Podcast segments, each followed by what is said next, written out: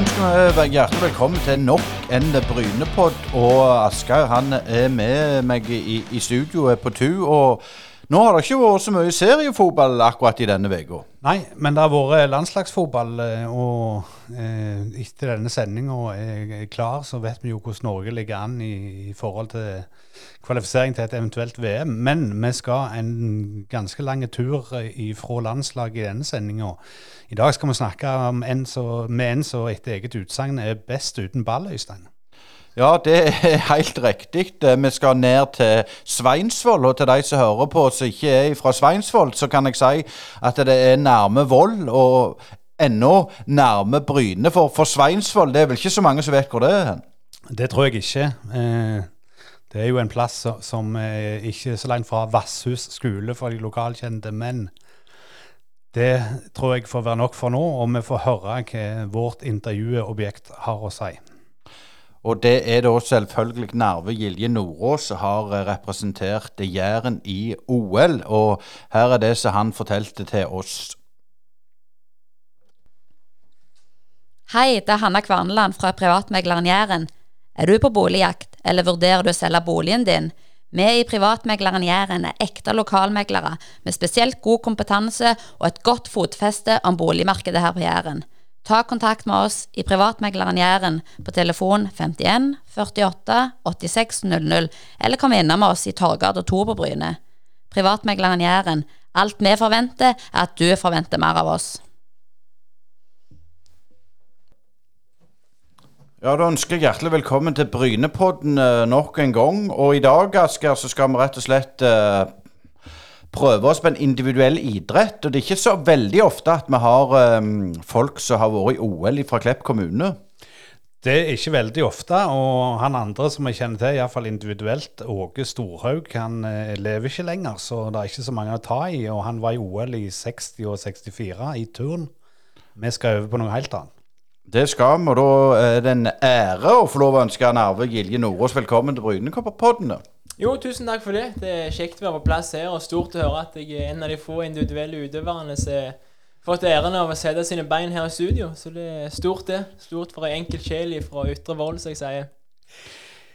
Ytre Voll, ja. Eh, det er jo ikke akkurat en plass vi forbinder med friidrett og holdt på å si høydeopphold og, og, og lange, seige springeturer. Men eh, det ble friidrett på egen arv. Kan du fortelle litt hvordan du havna ute i, i den idrettsgreina? Ja, Det begynte jo ute med sele, da. For de fleste som gir turer på Jæren, så vet de om sele ute gjennom borelir. Og så jeg må, bare, jeg må bare avbryte det, for du spenner litt i mikrofonen. Du, du trener sikkert ennå. Ja, jeg trener leggmuskulaturen. Ja, gjør det. Jeg holder beina i ro nå. Ja, yeah. ikke å være med. Altså, han eh, trente jo der ute med selebore. Og så var det jo sånn at det var jo Ja, tidsmessig så var det jo best mulig med tanke på ressurser at jeg bare var med og trente sjøl. Og det var jo sånn det begynte.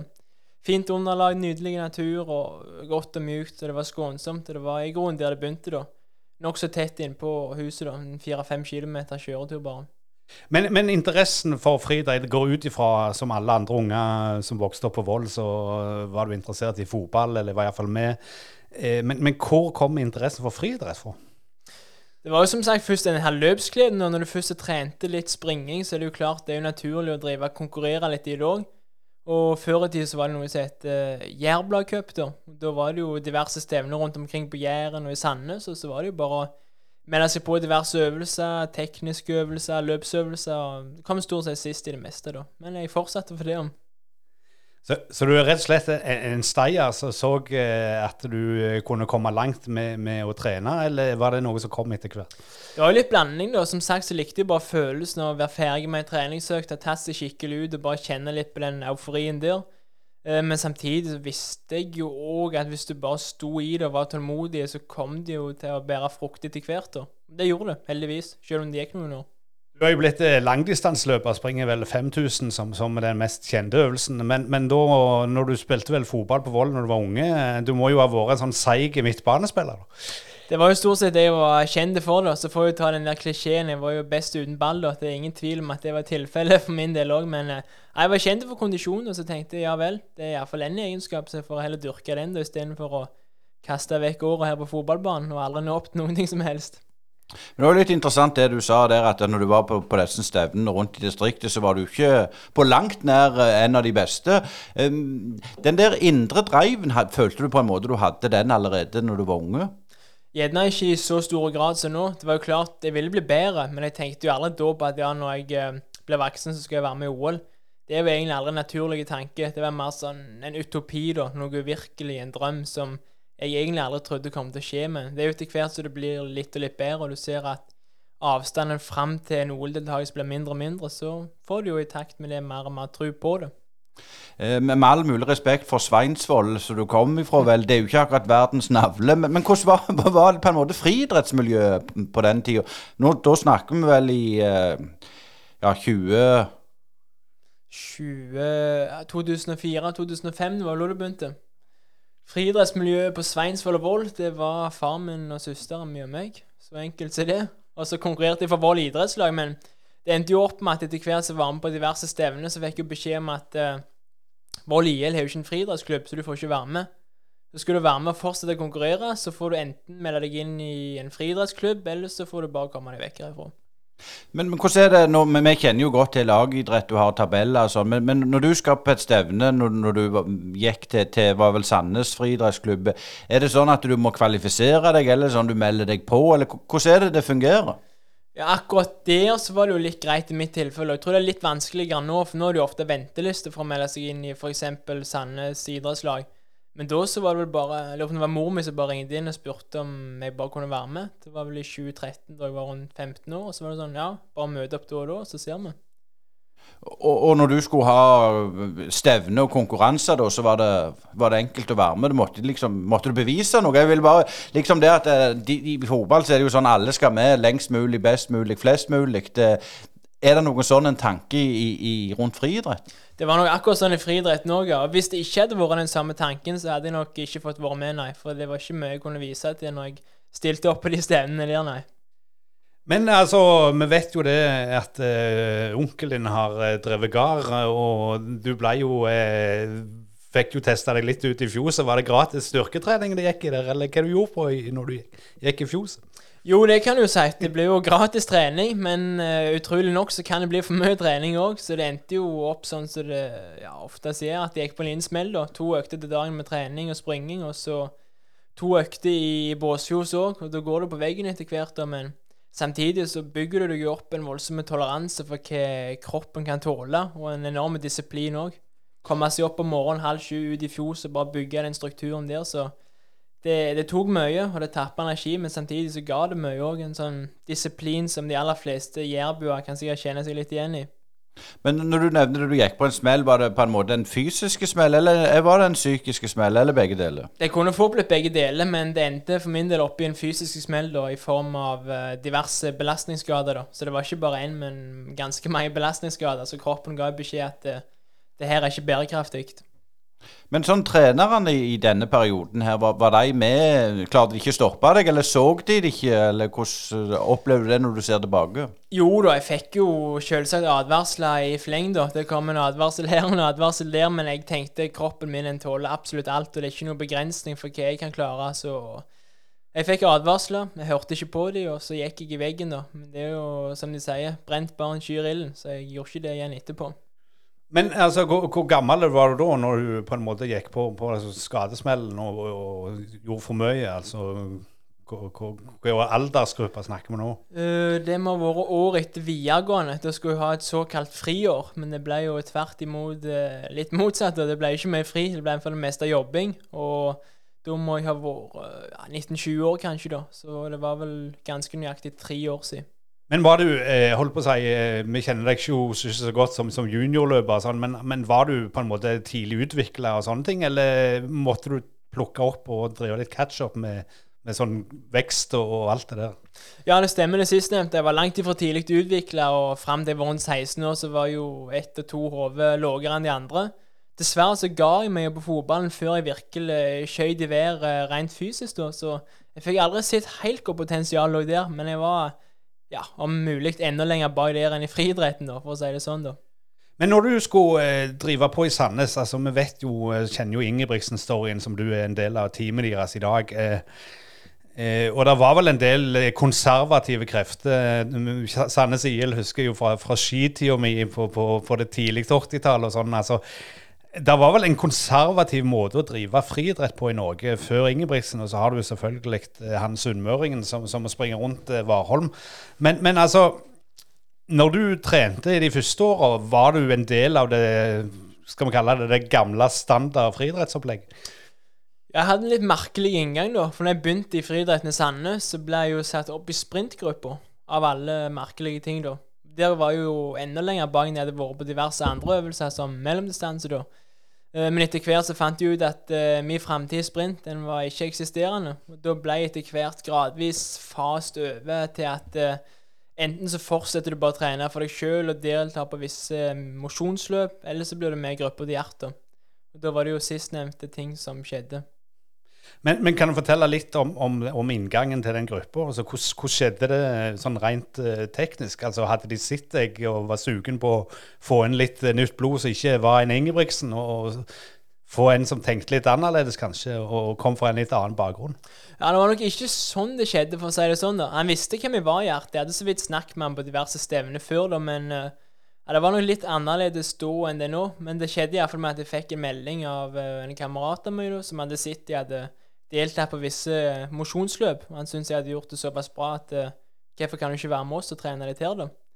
Da var jo det som var inngangen, da, at de trente i gruppa til Gjert som mosjonister. Og så var jeg med og trente med de, da.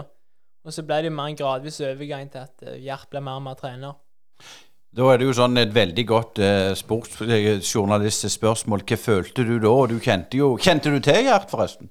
Ja, jeg visste veldig godt om Gjert. Jeg husker godt første trening. Det var jo starstruck, som de sier da. Det var jo store personligheter. Gjert var på plass. Henrik, Jakob var jo ikke så god tilbake i 2014. Og Philip var vel òg på plass da, så det er klart eh, Du kjenner jo en viss eh, æresfrykt, da. Ikke sant? Det er store personligheter du skal måle deg mot. da, så jeg var jo selvfølgelig i tvil. Skal jeg være med på det her? Jeg vet jo hvor mye de trener. Det er to økter hver dag. Det er tonn med intervalløkter. 185 km hver eneste uke gjennom hele vinteren. Orker jeg det her, da? Men så var det sånn ja, Hva er alternativet, da? Får jeg bare prøve. Når du kom inn der, liksom, hva tenkte du når du så Gjert? For han, vi har jo sett han på disse eh, dokumentarene og alt på fjernsyn og sånn. Han, er jo, han gir jo av seg sjøl, men han jo, kan jo virke nådeløs. Han kan virke nådeløs, det var akkurat det jeg òg trodde han var eh, da som jeg ikke kjente han så godt. Men uh, jeg sto der med en uh, god kaffekopp, og så sa han ja, hallo, Narve. Hallo. Så det var vel det som var inngangen, da. En sånn mildt hallo, og det var jo det som var starten på ja, Jeg skal ikke kalle det et eventyr, akkurat, da, men et eller annet, i alle fall. Men, men mye av ungdomsfriidretten, altså der du får testa krefter mot de beste i Norden, iallfall, det er jo i Gøteborg, vel, på det ungdomsstevnet. Eh, har du vært med noe der, og var det noen tid du kan si at du begynte å føle at du gikk fra å være en meget habil mosjonist til at du følte at det var noe mer å strekke seg etter? Eh, ja, for det første, jeg har aldri vært med i Gøteborg. Det kom vel inn litt for seint å være med der, da. Men uh, til det andre spørsmålet, når jeg følte at uh, jeg gikk fra å være en brukbar mosjonist, så Jeg føler jo ennå ikke en mosjonist, for jeg elsker jo å springe. Men samtidig, da jeg følte at det kanskje var mulig å kunne nå internasjonale mesterskap, det var nok tilbake i 2019, da jeg persa med ett minutt på 10 000 meter. Det var da jeg snudde liksom litt opp ned på den oppfatningen av hva som er mulig. da. Så for ca. omtrent to år siden. Men altså, persa med ett minutt på 10 000 er ganske bra, og du har jo eh, persa på ganske mange rekorder etter hvert. Eh, men, men altså eh, Når følte du at eh, der er mulighet for å kvalifisere til, til, til, de riktig store greiene i friidrett. Er det et tid du kan si at det, nå er Narve der han skal være? Ja, Det var nok ikke før for et par måneder siden. I inngangen til sesongen etter forrige sesong. Det hadde jo persa ganske bra på samtlige distanser, det men avstanden var fremdeles stor eh, fram til OL-kravene. Men så var det gradvis dess bedre jeg ble på trening, og så hadde jeg et brukbart uh, mesterskap i EM innendørs i Polen, hvor jeg ble nummer fem. Og det var først da kanskje jeg tenkte OK, OL er kanskje mulig, men mye skal klaffe. Så ja, det var jo ikke før jeg ble tatt ut, egentlig, jeg forsto OK, jeg kan komme til OL. Nå er jeg tatt ut, så da, må jeg mest reise. Det er jo det med, med, med fotball og håndball og ballspill, holdt jeg på å si. Har du en individuell plan? Altså der og der skal du være om en og to og tre og fire måneder. Var det det når du kom inn, eller var det bare sånn at uh, vi ser hvor, hvor, langt det går? Eller hadde Gjert en plan med deg? Ja, ikke helt i starten, men etter hvert som man får en større og større rolle i mitt treningsopplegg, så er det jo klart i inngangen til neste sesong nå, så vet vi jo hvor vi skal springe neste år. Vi vet hva mesterskap som er viktig, og hva som ikke er fullt så viktig. Og, og vet sånn cirka hvor fort jeg planlegger å springe òg. Så det er jo en klar plan på alt det du gjør. da. Du legger jo opp målsettingene, så trener du deretter da, og tar konsekvensen av det. Men Var det det når du kom, kom inn òg i, i 2013-2014? Nei, da var det ikke det. Da bare trente jeg. Men de syntes det var litt kjekt å bare kjenne litt på det, hvordan det var å trene som en semiprofesjonell utøver. Og så deltok i grunnen på de løpene som jeg følte for, da, og sprang fremdeles en god del mosjonsløp tilbake i 2014. Så det, ja, det var en sånn blanding. Da. Litt mosjonsløp, så trente jeg litt bane, så var det ja, litt sånn lapskaus, da. Gjert hadde jo ikke så stor styring over det jeg gjorde bare i 2014. Det var jo mest jeg som styrte hvordan jeg trente, og hvilke løp jeg deltok i. Det høres ganske enkelt ut, dette her, Asker. Jeg vet ikke om det høres enkelt ut. Det krever jo veldig mye timer, som Narve sier. Men, men, det jeg tenkte litt på, det var jo eh, Altså, Vi vet jo at friidretten, det har vi jo sett i dokumentaren om Ingebrigtsen, at det handler jo om å sope sammen penger, prøve å finne sponsorer. Nå er de jo på en annen planet enn det de var for si fem-seks år siden.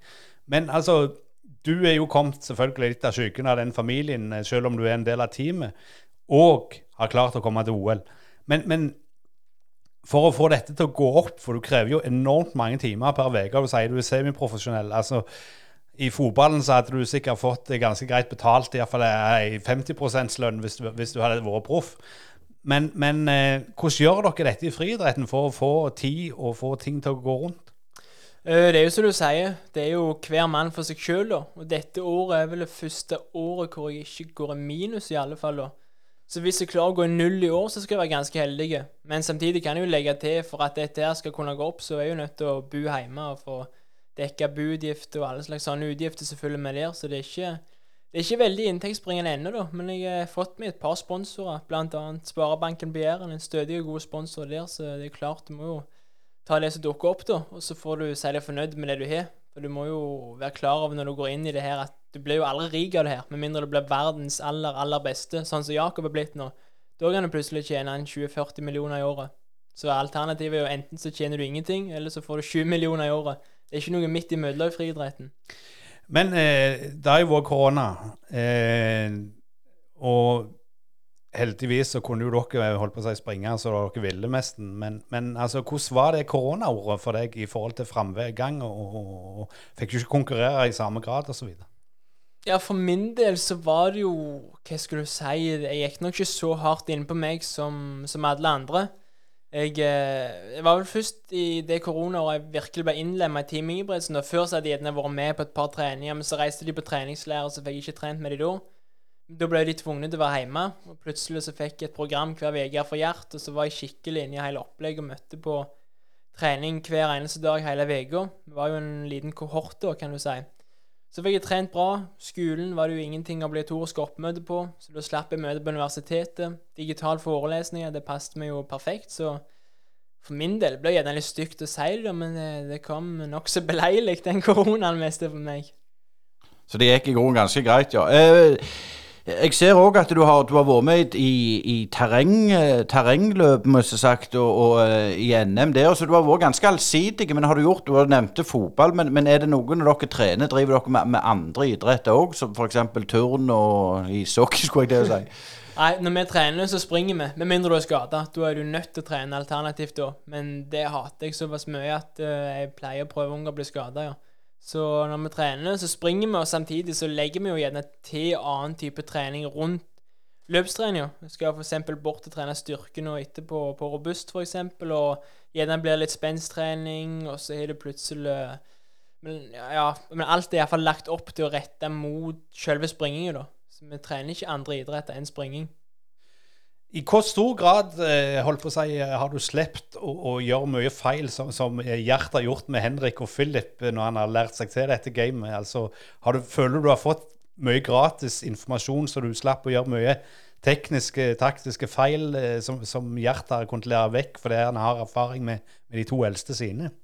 Jeg kunne nok nytta meg av den muligheten bedre, da, for jeg fikk jo råd og advarsler ganske hyppig. Men jeg, jeg var jo såpass dum at jeg måtte jo prøve det sjøl. OK, kanskje det ikke funker på Henrik, men kanskje jeg klarer det. Og så viste det seg jo Nei, det går jo ikke på deg heller, men det er jo litt det du er mest nødt til å være gjennom det sjøl. Du må ha kjent det på kroppen for at du ikke skal gå ut i det igjen, da.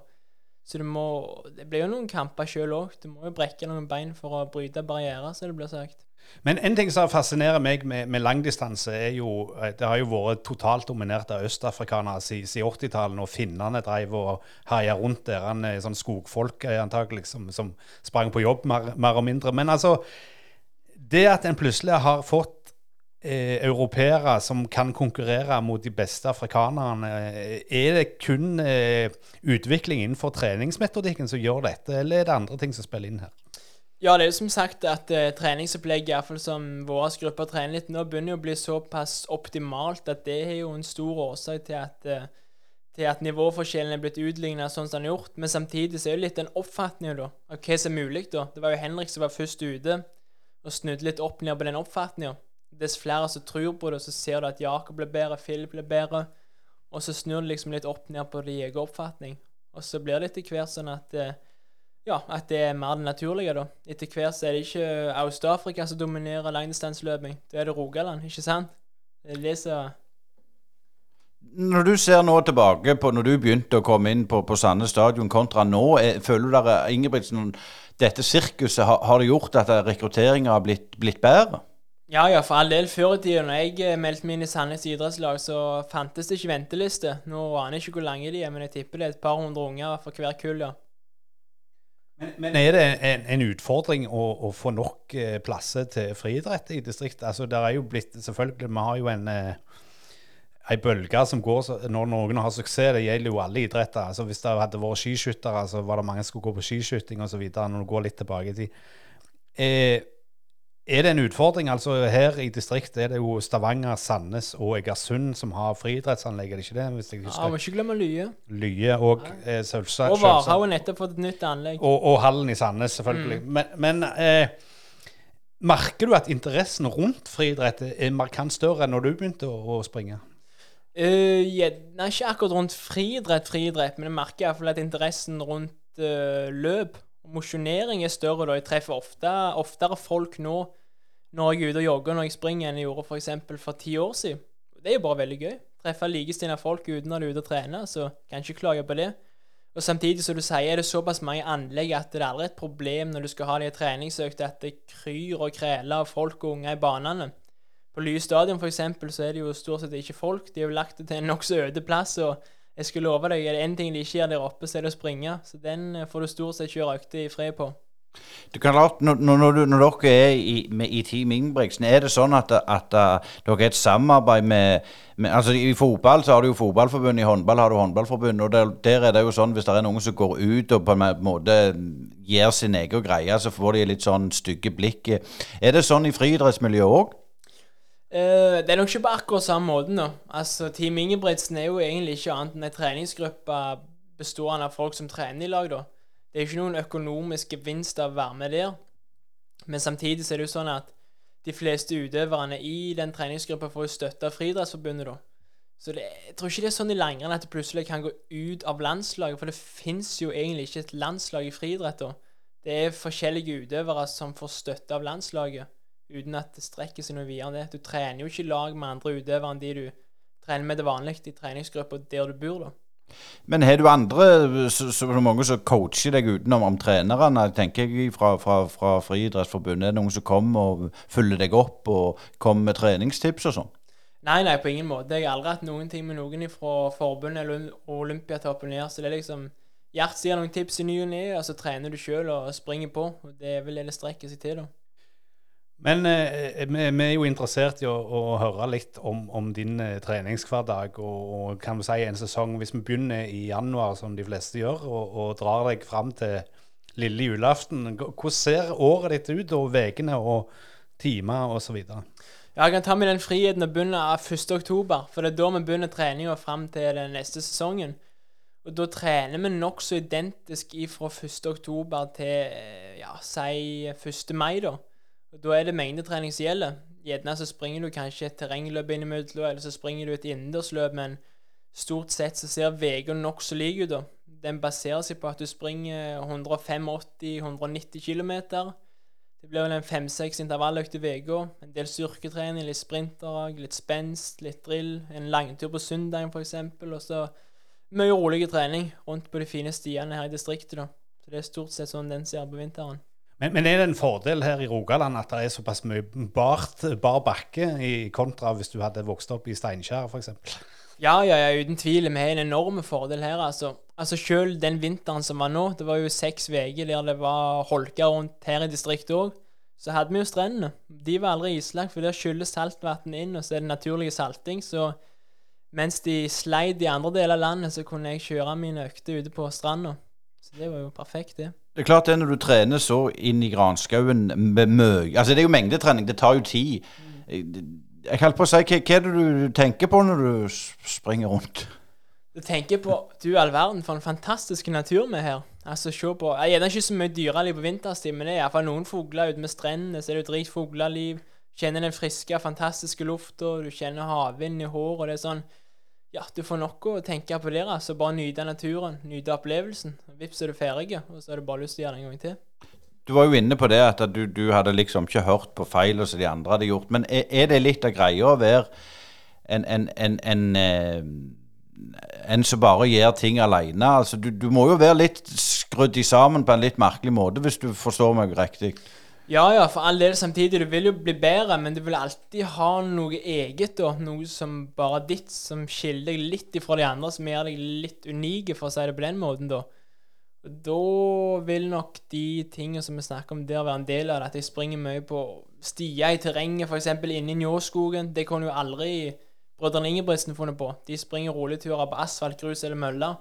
Punktum. De tenker jo ikke på de turene på noen gressletter på innsida av eh, Borestranda, f.eks. Det kunne aldri falt inn. Det var jo en, en gammel australsk 800-meterløper som altså, var vel kjent for å springe på, på strendene på 60-tallet, husker jeg. Eh, Iallfall hvis jeg husker riktig fra, fra, en gammel dokumentar som jeg så en gang. Eh, når du er ute og springer sånn langturer, f.eks., eh, er det sånn at du går i sånn, inn i en sånn eget modus og bare kikker rundt? Er hodet litt tomt, og du bare følger rytmen til føttene, eller tenker du teknikk og sånne ting underveis? Uh, jeg tenker nok ikke så mye teknikk, men jeg tenker på at du skal springe avslappa. Hvis du springer avslappa, så vil teknikken automatisk sett bli bedre, da. Så det er i grunnen så enkelt som det, da. På de rolige øktene. Kanskje på intervalløkt og litt raskere økter og diverse drag, så vil du tenke mer spesifikt på teknikk. Men når du er ute bare jogger langs stranda, så er det bare slapp av og nyte. Det er det det strekker seg til. Men hva slags teknisk utvikling føler du har hatt de siste tre-fire årene? Sånn rent teknisk, har du, har du lært deg å springe bedre? Det kan du si. Jeg sprang jo helt forferdelig før. altså Det ligna ikke grisen. Det gjorde det på ingen som helst måte. Det var armer og bein i alle retninger, og det var ikke mange bevegelser som var rettlinjer framover. Det var mest til side og opp i været, og det ble kasta vekk en god del energi, for å si det sånn, da. Men det er sånn etter hvert som du springer mer, så blir du bedre til det automatisk, da, selv om du ikke tenker på det. Og så hvis du er et litt aktivt forhold til at du tenker ok, den armen der trenger ikke være der oppe, og du trenger ikke ha skuldrene liksom opp i i ørene, for å si det sånn, så vil det automatisk sett bli litt og litt bedre. Og så ser du gjerne ikke en merkbar framgang fra dag til dag, men hvis du da ja, sammenligner hvordan du sprang i fjor versus i år, så ser du en forskjell. Den pleier stort sett å gå i rett retning. Når du sier det, så høres det jo ut som at alle kan bli gode å springe hvis, hvis, du bare trener nok, men så lett er det jo ikke. Så det er klart, du blir jo coacha, og, og, og, du tar dette litt etter hvert. Uh, du må jo ha noe sånn mindset at jeg må springe enklere, jeg må ikke veie med varmene. Så det er jo en prosess, for det er ikke bare det Altså, jeg tror ikke jeg kunne klart det, for å si det sånn. Nei, du kunne nok ikke det. Og hovedgrunnen til at du ikke kunne klart det, det er at du mest sannsynlig hadde blitt skada, de treningsmengdene. Det tror jeg er hovedproblemet til de fleste, da. Så du er jo nødt til å begynne tidlig og bare introdusere den type bevegelsesmønster eller den bevegelsesformen til kroppen, da. Du trenger ikke trene mye. Ta på deg joggeskoene et par ganger i uka holde på med det i 10-15 år, og så begynne å optimalisere, da. For det er jo det som er grunnen til at ikke hvem som helst bare kan snøre på seg joggeskoene og springe 190 km i uka. Du blir jo skada etter fire dager. Dessverre. Sånn er det bare, hvis kroppen ikke er vant med det. Når du er inne på det, hvor, tett og, og godt eh, apparat har du rundt deg på, på akkurat medisinske? Ja, jeg, hva skal du si, jeg benytter meg ikke noe voldsomt av det. Det går gjerne til litt sånn fysikalske behandlinger en gang og to i måneden, men det er mest for å tilfredsstille treneren, da. Jeg føler ikke noe behov for det sjøl, da. Og når det er sagt, så føler jeg bedre kontroll på skadeforebyggingen hele resten av teamet, da. Altså hvis du ser på skadehistorikken de siste tre åra. Jeg har ikke hatt noen. De har liksom noen skader ut gjennom året, alle. Noen belastningsskader, så Det er nok det at de ikke springer på disse stiene. Jeg er ganske sikker på det, som skiller oss ut.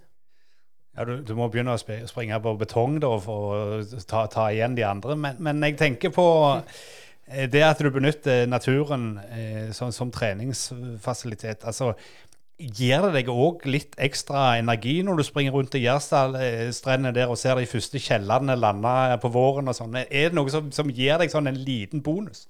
Ja, ikke sant. Det er jo noe annet å springe der ute og så se at nei, nå er den første vipa kommet. Da er det vår, framfor oss å springe rundt i et pregløst eh, betongmiljø der det ikke skjer noen ting annet enn at det er biler som spyr ut på eksos. ikke sant? Det er bare noe å kjenne den friske lufta og se, se litt forandringer fra dag til dag. da. Så du får sånne små lysglimt, og så glemmer du jo, som jeg sier, at uh, du trener. da. Du føler jo ikke at det er et ork, det er ikke et jag etter å trene. Det er mer en, ja, noe som er gledesfullt, da, som gir mer enn det tar. Det er klart Når du nevner Borestrand, og hvis vi skal over til, til, til neste ting vi skal snakke om Borestrand øh, kontra å være med i et OL, er jo rimelig stor forskjell. Når jeg leste at du skulle være med i OL, så tenkte jeg det er kult. Men så tenkte jeg litt videre. Når du kommer fra Sveinsvoll Jeg sier ikke Vold for Sveinsvoll enda mindre. Hvordan er det liksom når du kommer inn der? Er det jeg bare tenker at du Er, du, er du på en måte helt lost, eller, eller har du trygghet og roen når du, når du kommer ned der? Ja, det første døgnet da vi var inne i den olympiske landsbyen, så var det litt sånn som du sier, at du ble litt lost da. Det er jo en svær Ja, det er jo ikke en svær plass, da. Det er en veldig liten plass hvor de har stappet veldig mye folk inn, da. Det var vel en 18 000-20 000 personer, hvorav de var 11 000 utøvere. Og så er det en svær matsal med plass til 6000 personer som er ti ganger større enn Obsna nede på Bryne, ikke sant? Så du ja, du blir litt sånn fjern, da. Du klarer ikke helt å lande. Men så går det et døgn, og så kommer du inn i det, og så klarer du mer å slappe. Få litt mer den tryggheten og roen, da. Men eh, nei, det var overveldende i starten. For all del. Men nå, nå gjorde Øystein litt så, så Kuno her og tok det beste først. Men, men altså eh, Jeg har lyst, lyst til å høre om den oppbygninga mot OL og, og den sesongen. For, for, for målet ditt ble etter hvert å kvalifisere deg for OL. Du må jo kvalifisere deg, det er ikke bare å melde seg på som du gjorde i gamle dager. Eh, kan du fortelle litt om den OL-sesongen fra starten i oktober i, i fjor og, og fram til du sto på startstreken i Tokyo? Ja, som sagt, i oktober så begynner jo mengdetreninga, og så var det jo en innendørssesong, da. Det er jo nokså enkelt, det. Du legger ned mengden og bygger en base. Kommer du til mai, så begynner du å springe litt fortere på baneøktene, du spisser litt mer, og så kommer de første konkurransene. Eh, og når du skal kvalifisere deg til OL på friidrett, så er det jo nokså ny ordning nå, da. Før var det jo ei tid du må springe fortere enn det, og så er du kvalifisert, da. Sånn er det ikke nå lenger. Tidskravet ble jo satt veldig høyt opp da, i forhold til tidligere. Sånn at ca. halvparten skulle kvalifisere seg med å springe under den tida, og halvparten skulle kvalifisere seg via ranking, da. Og skal du kvalifisere deg via ranking, så kreves jo det at du har sprunget flere gode løp da, i de rette stevnene, og så samler du poeng, og så tar du snitt av det, og så måler du opp mot resten av verden, da. Det var jo sånn jeg kvalifiserte meg, da. Jeg var bitte litt bak det tidskravet, men jeg kom jo med via ranking. Da sprang jo tre løp, tre 5000 meter i juni. Så det kosta nok en del, det, da, ser jeg i etterkant, å jage det kravet, framfor å kun fokusere på å prestere i OL. Men, men hvordan er det med, med langdistanse? Altså, er det noe sånn idealalder? Når du er på topp? Det kommer jo veldig an på hvor tid det begynner. Jakob begynte jo å trene som en toppidrettsutøver da han var 10, så kanskje hans idealalder er her og nå, når han er 20-21. Jeg begynte å trene så seriøst da jeg var 16, så jeg tipper min idealalder er rundt 26-27, da. Og det er ja, ennå tre-fire år til. Og Da håper jeg at utviklinga skal fortsette fram til det, og da kan det jo plutselig bli brukbart, som vi sier i Jæren. Hvor lenge kan du holde på? Så lenge det er økonomisk forsvarlig, da. Jeg ser jo liksom ikke for meg noe annet enn det her, da. Altså, jeg elsker jo det jeg holder på med, men det er etter hvert som du begynner å nærme deg 30 år, du kan jo ikke bo hjemme til du er 30 f.eks., så du er jo nødt til å få noen penger inn i kassen etter hvert og få det her greiene til å gå i null, da. Så det er vel det som er tunge på vektskåla for min del. Det er det. Ja, nå bor jo jeg til daglig i Galilea, og, og Jesus var jo hjemme til han var 30, og hver gang jeg gjorde noe etterpå, så var det jo et under. Men eh, jeg tenker framover neste OL, eller, eller er det VM før det, som, som er de store målene sånn, kommende sesong og, og utover nå? Neste OL er det ultimate mål, ja. Men samtidig så kommer det jo flerfoldige EM og VM inn i der. Noen utendørs, noen innendørs. Det er litt terreng, det er litt utforterreng, ikke sant. Men eh, du må alltid ha et hovedmål som du strekker deg mot. Og da er det OL i Paris om tre år, i 2024. Da er det sånn jeg sier til meg selv jeg skal ta medalje der, så kan du si det er ambisiøst, det er idealistisk, det er urealistisk, men hvorfor ikke? Du må jo begynne å si det nå. Skal det skje? Så da sier jeg det. Prøve å ta medalje der er liksom det ultimate målet i karrieren.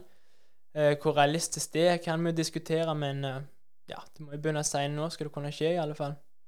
Jeg vil ta, ta, deg litt tilbake til, til Tokyo. Jeg, og, og, når du kommer der, og, og det er så stort, og det er mye folk, og uh, du fokuserer, du, du, du springer og, og, så Det som jeg la merke til Jeg så løpet.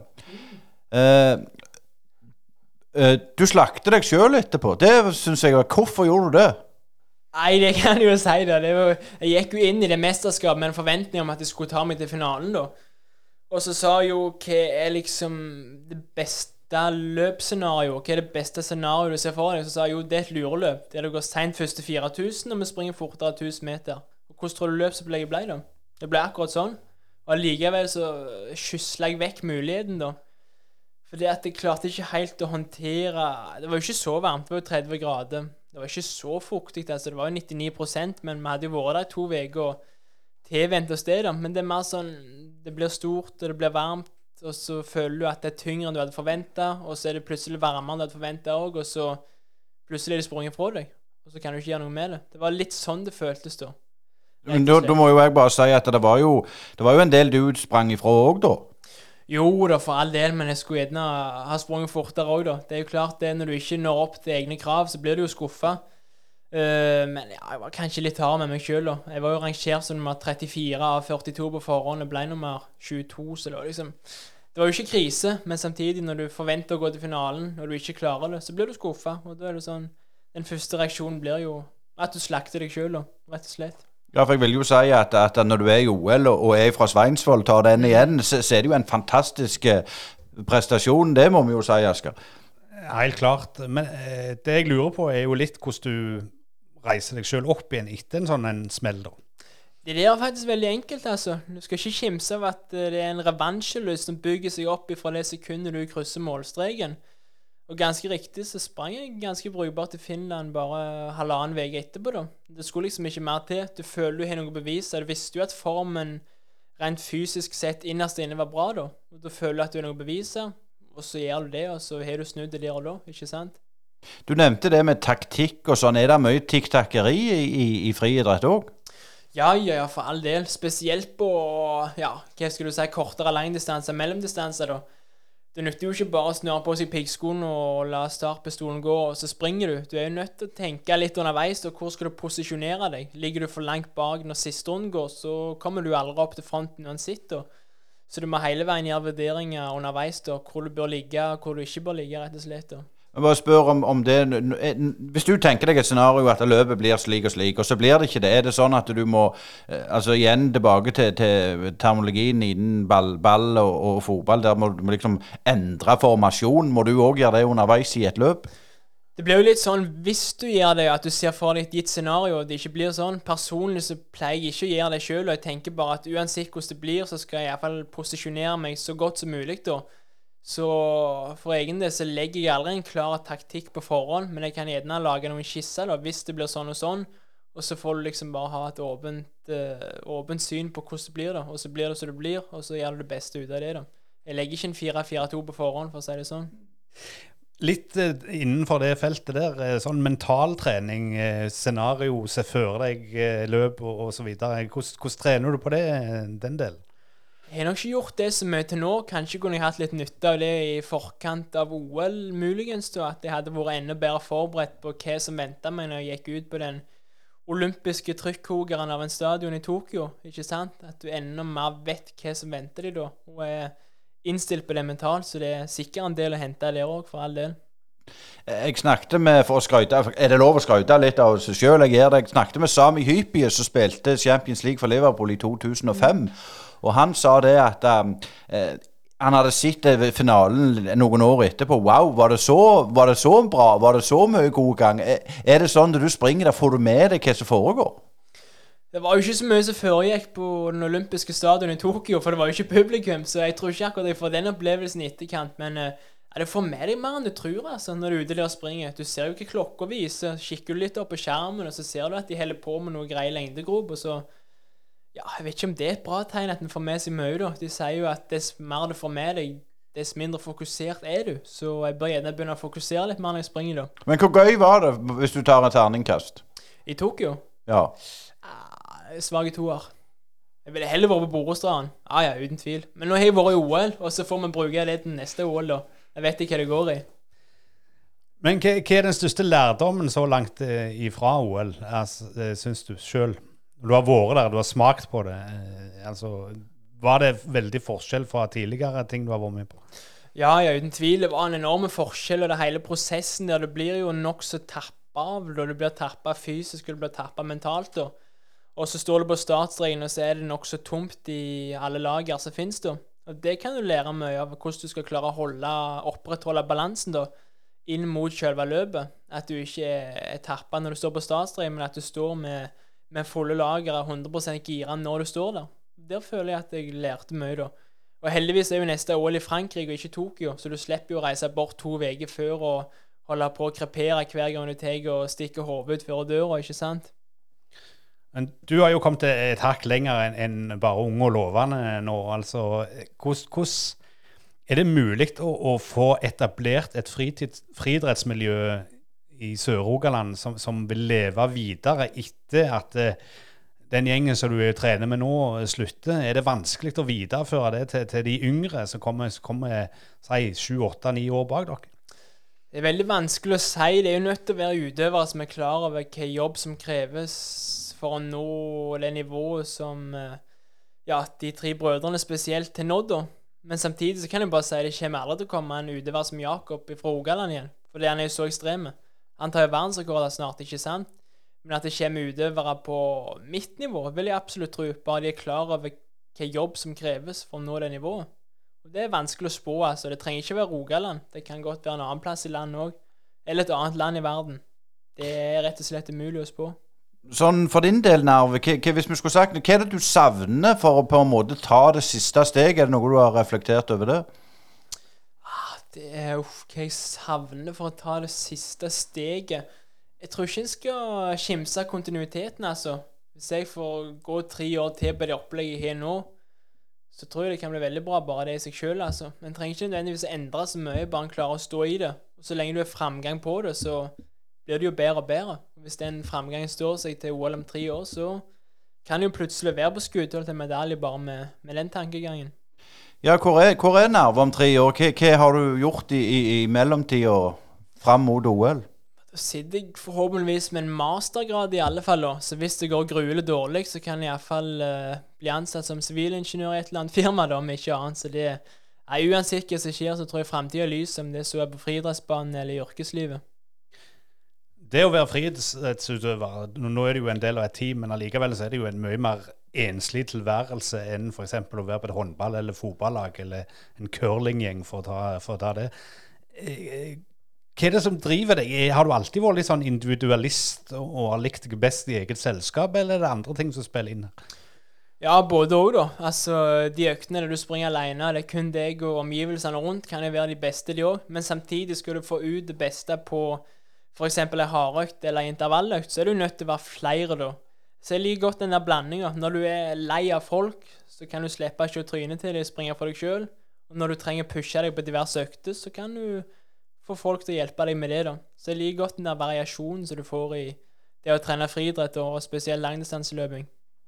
En annen ting som jeg tenker på, er jo det at eh, fotball, som er den største idretten i, i, i landet eh, by far, får jo ekstremt mye oppmerksomhet. altså Til og med De sender jo tredjedivisjonskamper på lokal-TV osv.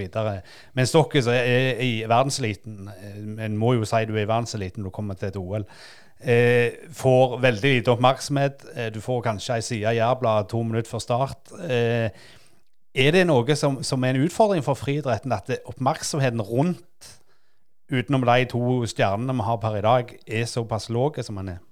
Det er jo tilbud og etterspørsel, vet du. da. Altså Hvis det er en etterspørsel, så er det jo klart, da viser du jo kamper fra tredjedivisjon. Vi kan jo ikke liksom bli provosert av det. Det er jo sånn det skal være. Hvis folk vil se kamper fra tredjedivisjon, selvfølgelig viser de det. Eh, samtidig så må du være ganske oppmerksom på at skal du skape en interesse rundt friidrett, så er du nødt til å gjøre noe aktivt sjøl òg, da. Du er nødt til å skape en interesse rundt det du holder på med, hvis du ønsker å kunne leve av det. Det nytter ikke bare å syte på at ja, men de viser fotball ifra det, det de er så og så dårlige.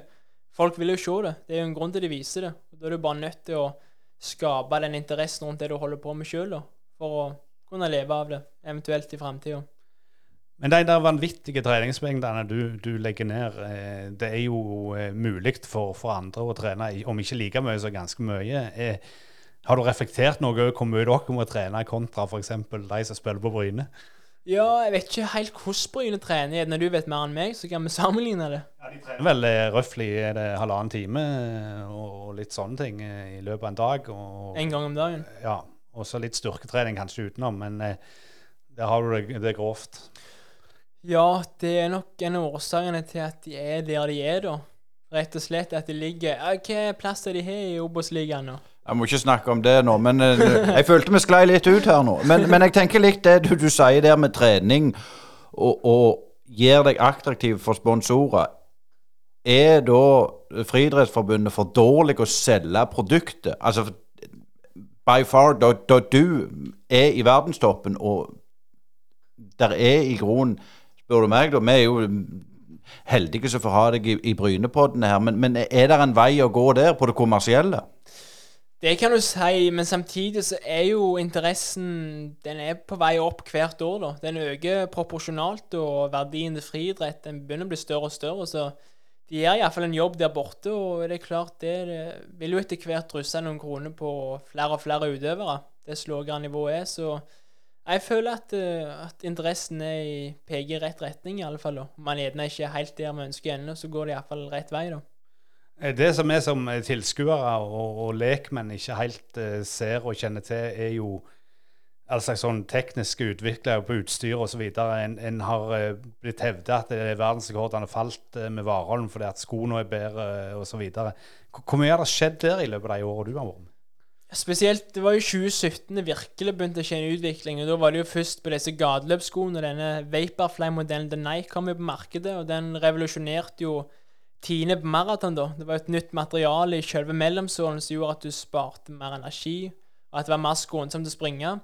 Og så kom det et tilsvarende alternativ eh, i piggskobransjen, da jeg tror det var i fjor. Det er klart, Jeg kan bare si én ting. Du springer ikke raskere med de skoene, men de er mer skånsomme samtidig som du springer like fort med tynnere og mindre dempa sko, som gjør at du kan legge ned mer trening i relevant fart. Ergo kan du få bedre løpsprestasjoner på sikt. da. Men uh, den skoen som jeg snakker om innenfor piggsko, det er jo ikke en karbonsko engang. Det er jo en ja, rett og slett godt dempa, men lett og rask sko samtidig. da. Så det var ikke derfor Warholm satte verdensrekord. Det var jo fordi han er bedre enn noen andre utøvere på 400 meter hekk opp gjennom historien. Når det gjelder andre idretter, har dere dratt inn eh, ekspertise fra, fra, andre idretter når dere trener og, og, og tenker utvikling? Eh, vi har ikke gjort det, men vi kunne antageligvis gjort det da, og henta inspirasjon fra mange fronter. Så kanskje vi kan tenke litt på det i framtida. For all del. Jeg tror ikke en skal kimse av det at det, det, er mye å hente i, i, mange ulike bransjer. Det er kanskje en enda større profesjonalitet i det som skjer utenom trening i andre idretter òg. At det er et opplegg der du er i lag 24 timer i døgnet i diverse lagidretter da. Kanskje det er noe å hente der. Hvem vet? Ja, Asker, det var, var stas å få en, en OL eh, En som representerte Norge og, og Sveinsvoll. Det, det var bøse. Ja, Det er ikke så mange på Vasshus skole som har stått på startstreken i, i, OL. Det kan vi trygt få slå fast. Men jeg har lyst til å spørre deg et spørsmål helt til slutt, eh, Narve. Eh, hvordan blir avslutningen av denne sesongen, og hva ser du for deg neste år? Nå er det jo NM om to uker i Kristiansand, og da håper jeg å revansjere fjoråret. Der jeg tok gull på 5000 og sølv på 10 000. Så da kan du iallfall tenke deg hva jeg planlegger i år, da. Uh, og neste sesong så er det jo som sagt eh, et VM i Eugene i Oregon, og så er det EM i München. Da er målet å iallfall ta seg til en finale i det VM, og forhåpentligvis en medalje i det EM-et der. Skal gå, gå såpass høyt ut og si det. Og så har jeg tenkt å trene deretter og ta konsekvensen av de målene jeg setter meg. Enkelt og greit. Eh, Hvis det er noen som hører på dette, som har lyst til å Han, han Arve Gilje Nordås hørtes ut som en grei kar. Han har lyst til å bidra med eh, Skal få enda bedre treningsmuligheter. Hvordan går de fram da? Nei, Da er det bare å ta kontakt, så svarer jeg da. Altså, det funker bra for deg, så det er bare å kjøre på. Instagram, den er, den er ikke dum. Det var ikke så mye penger eh, for deg å, være med i Brynepodden, men tusen hjertelig takk, eh, Narve Gilje Nordås, for du stilte opp i Brynepodden. Det var bare gildt, det. Takk skal du ha. Hei, det er Hanna Kvarneland fra Privatmegleren Jæren. Er du på boligjakt, eller vurderer du å selge boligen din? Vi i Privatmegleren Jæren er ekte lokalmeglere med spesielt god kompetanse og et godt fotfeste om boligmarkedet her på Jæren.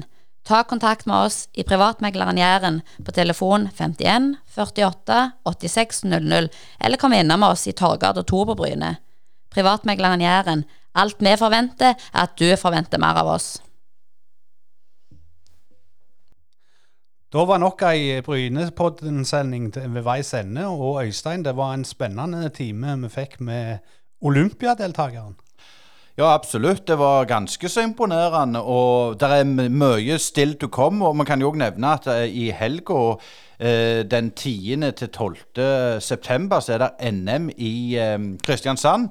Eh, Kristiansand stadion, og, og i Mandal skal de springe 5000, og 10 000 skal Narve springe. Og det er jo skikkelig stas at vi har en jærbuss som gjør det så godt. Det er det utvilsomt, og han har jo mål om å fortsette. Altså, Vi får håpe at eh, vi ser han i VM og EM nå i terreng først, og, og, så senere EM og VM og, og kanskje et OL til. Det hadde vært gledelig, men det er spennende å høre om en jærbu som gjør det så godt i individuelle idretter. Og så, som sagt, eh, NM nå til helga, så vi håper han tar en, eh, en NM-pokal. Tror, tror du han gjør det? Ja, jeg regner med at han eh, gjør det ganske bra, så han har absolutt sjanse til å vinne en av de to distansene. Men i helga er det òg tilbake til normalen litt for oss og, og fotballen, er ikke det? Det er det. Vi sa jo det innledningsvis at det ikke har vært serierunde. Det har det ikke på topp. Eh, s- Toppserienivå eller, eller Obos eller Tippeliga, men eh, Eik 2 de spilte jo Nei, Eik 2, nå skal du høre. Eik spilte mot eh, Odd 2 og vant, og leder nå på snor, eh, riktignok med en kamp mer spilt enn Skeid. Så der har de jo i vår by fått litt sving på det etter noen, noen dårlige resultat. Eh, Det stemmer, og, og de jager nå opprykk. Så får vi se hvor lenge det holder utover høsten. For nå begynner det jo å bli litt mørkere om kveldene, har jeg sett, og litt kaldere i lufta. Så, men vi skal ikke gi oss for det. Og neste uke er vi tilbake med enda flere spennende gjester. Det har vi, og det var utrolig stas du hørte på Brynepodden for denne gang. Tusen hjertelig takk. Ja, det var alt fra Øystein Nygaard og Asgeir Ueland.